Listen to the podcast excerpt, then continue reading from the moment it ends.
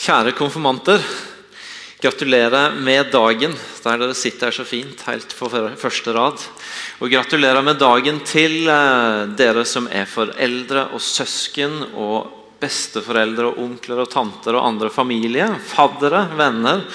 Dere som er her i dag for å feire denne flotte gjengen som sitter her nå, og som vi har fått se så mye godt fra.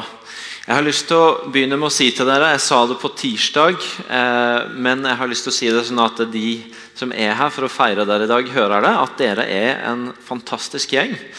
Eh, jeg har hatt noen møtepunkt med dere gjennom dette året, og så har jeg hørt en god del om dere fra Geir. Han bor i kjelleren min, så han kommer og griner til meg hvis dere er slemme med han. Og han kommer og skryter av dere når dere er snille med han. Eh, og jeg må si at dere har gjort et inntrykk på meg. En ting er at det å eh, Jeg tror ikke det er alle prester i dette landet som når de kommer og skal undervise konfirmantene, opplever at konfirmantene åpner med å komme og stille seg rundt en og be for en før en underviser. Men det gjør dere. Og Det, det er litt av en opplevelse eh, som for dere sikkert er det dere har gjort hver gang, men som for meg var en spesiell måte å møte dere på og oppleve den godheten dere har på. Og så har vi hørt om engasjementet dere har for eh, mindreårige asylbarn. Det er fantastisk. Eh, og vi har sett gjennom denne dagen orda dere bruker om det dere har betydd for hverandre.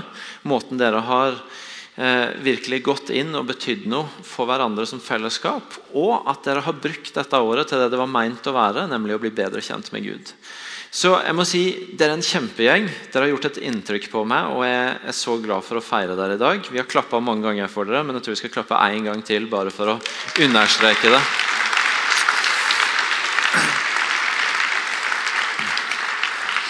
Og Jeg håper at dere foreldre kjenner deres besøkelsestid i dag og er skikkelig stolte, for det dere grunn til å være. Eh, taler veldig kort i dag. Når vi har konfirmanttime, så får jeg lov til å holde på lenge. og må eh, minne dere om at nå er jeg snart ferdig. I dag skal jeg snakke kort til dere. For noen uker siden så var jeg sammen med dere, og vi hadde en konfirmanttime hvor vi begynte timen med å tenke litt høyt sammen om hva dere ville gjort hvis dere visste at dere skulle være lenge på ei øde øy, alene. Hvem, hvem, eller hva dere ville tatt med dere hvis dere fikk ta med dere én ting eller én person. Og Vi tenkte litt høyt om det. Det kom flere mer eller mindre kreative forslag. Jeg tror det var Zakarias som hadde en plan som gikk forbi min forstand om hvordan han i hvert fall skulle sikre seg at han var online med resten av verden. Eh, så da tror jeg han følte seg trygg. Eh, det var noen som eh, Jeg vet ikke om det var helt alvorlig eller om det var litt for å please pastoren, men de foreslo en bibel å ta med seg. Eh, det synes jeg også selvfølgelig var flott. Men når vi hadde fått tenkt litt høyt sammen, så tror jeg vi var sånn tålig enige om at eh, det ville være bedre å ha med seg noen eh, snarere enn noe hvis en visste at en skulle være lenge alene på ei øde øy. Fordi at vi mennesker er skapt ikke til å fikse livet alene, men til å få det til sammen med noen andre. Og I dag så har jeg lyst til å gi dere ett veldig enkelt bibelord, ei setning fra Bibelen, som springer litt videre fra det, og som jeg håper at dere kan huske, ikke bare dagen i dag, men forhåpentligvis i mange dager som kommer, og aller helst resten av livet. Det står i Salme 56, vers 10. Det er ei setning, det er David som sier det. og Det er en veldig enkel, men veldig klar bekjennelse når David sier Det vet jeg, at Gud er med meg. Det vet jeg, at Gud er med meg. En enkel bekjennelse å ha med seg gjennom livet som jeg tror dere allerede har gjort noen erfaringer av i år, men som jeg håper at dere kan holde fast i i de tingene som kommer framover i livet. Når dere ble døpt, enten det var når dere var små barn eller seinere på ferden, så var det et par ting som på en måte lå inne i de orda som ble sagt da. De bønnene som ble bedt, de bibelorda som ble lest, det som sies i den liturgien. Det ene var at det ligger grunnleggende i den, de orda at ingen av oss klarer til syvende og sist livet helt på egen hånd. Vi kan prøve ei stund, og vi kan få det til ei stund. Eh, og Vi kan ha forskjellige prosjekter. Vi kan prøve å finne veien til Gud sjøl. Vi kan prøve å rømme fra Gud. Vi kan prøve å jage etter vårt eget prosjekt.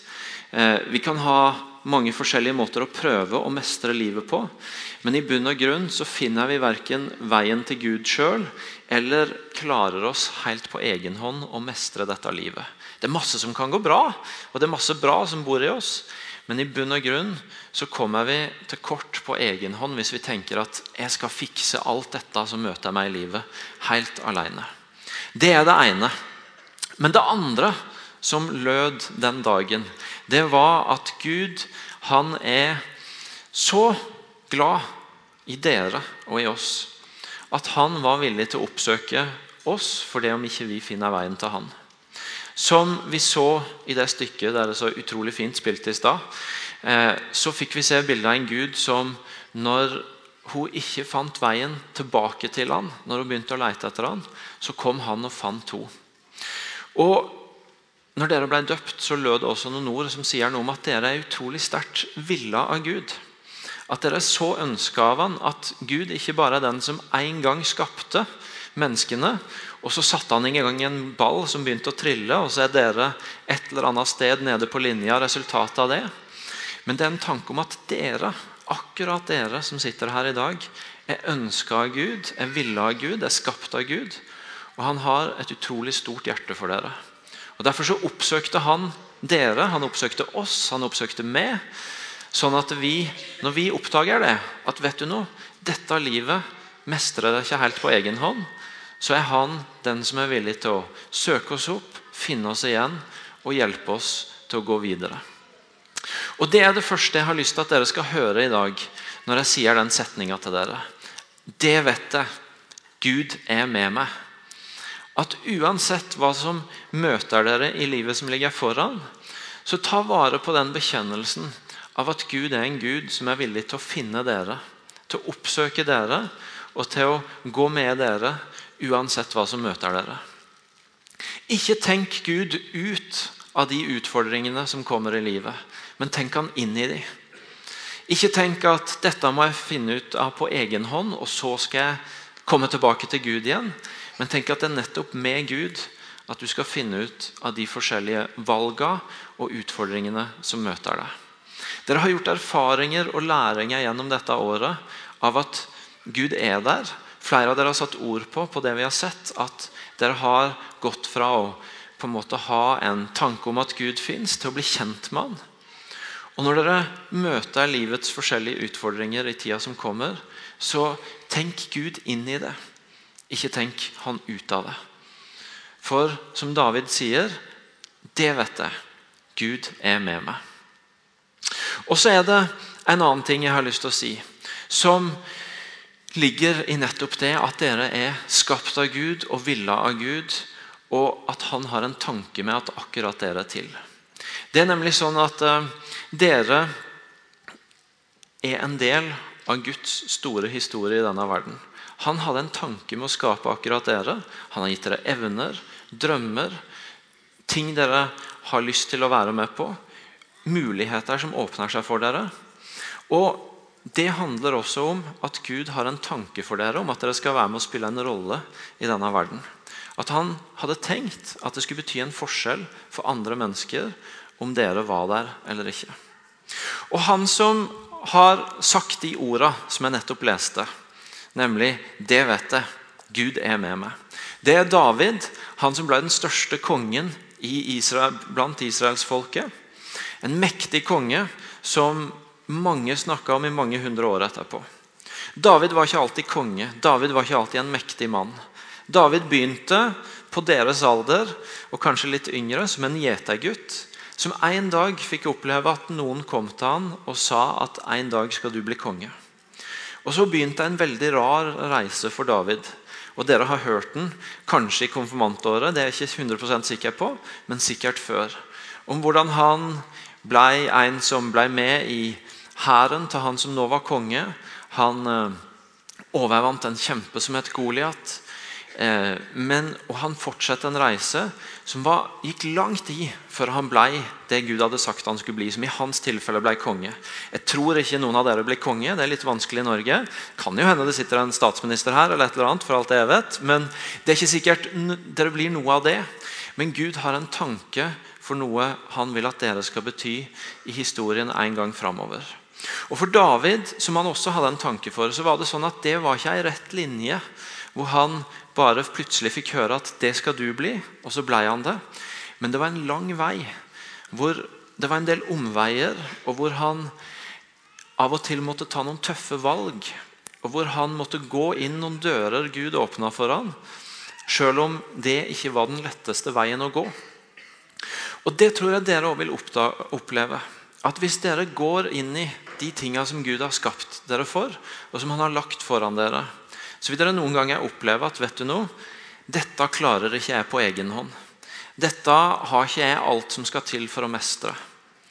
Men det er nettopp da, når en fortsetter å gå videre i det Gud har lagt foran dere, at dere òg kan erfare som David, som gjorde at han kunne si det han sa, nemlig at når dere går inn de åpne dørene Gud legger for dere, og er med på å bety en forskjell, så opplever dere også at når dere sjøl ikke får til alt, så møter Gud opp, og så er han med dere nettopp i de situasjonene.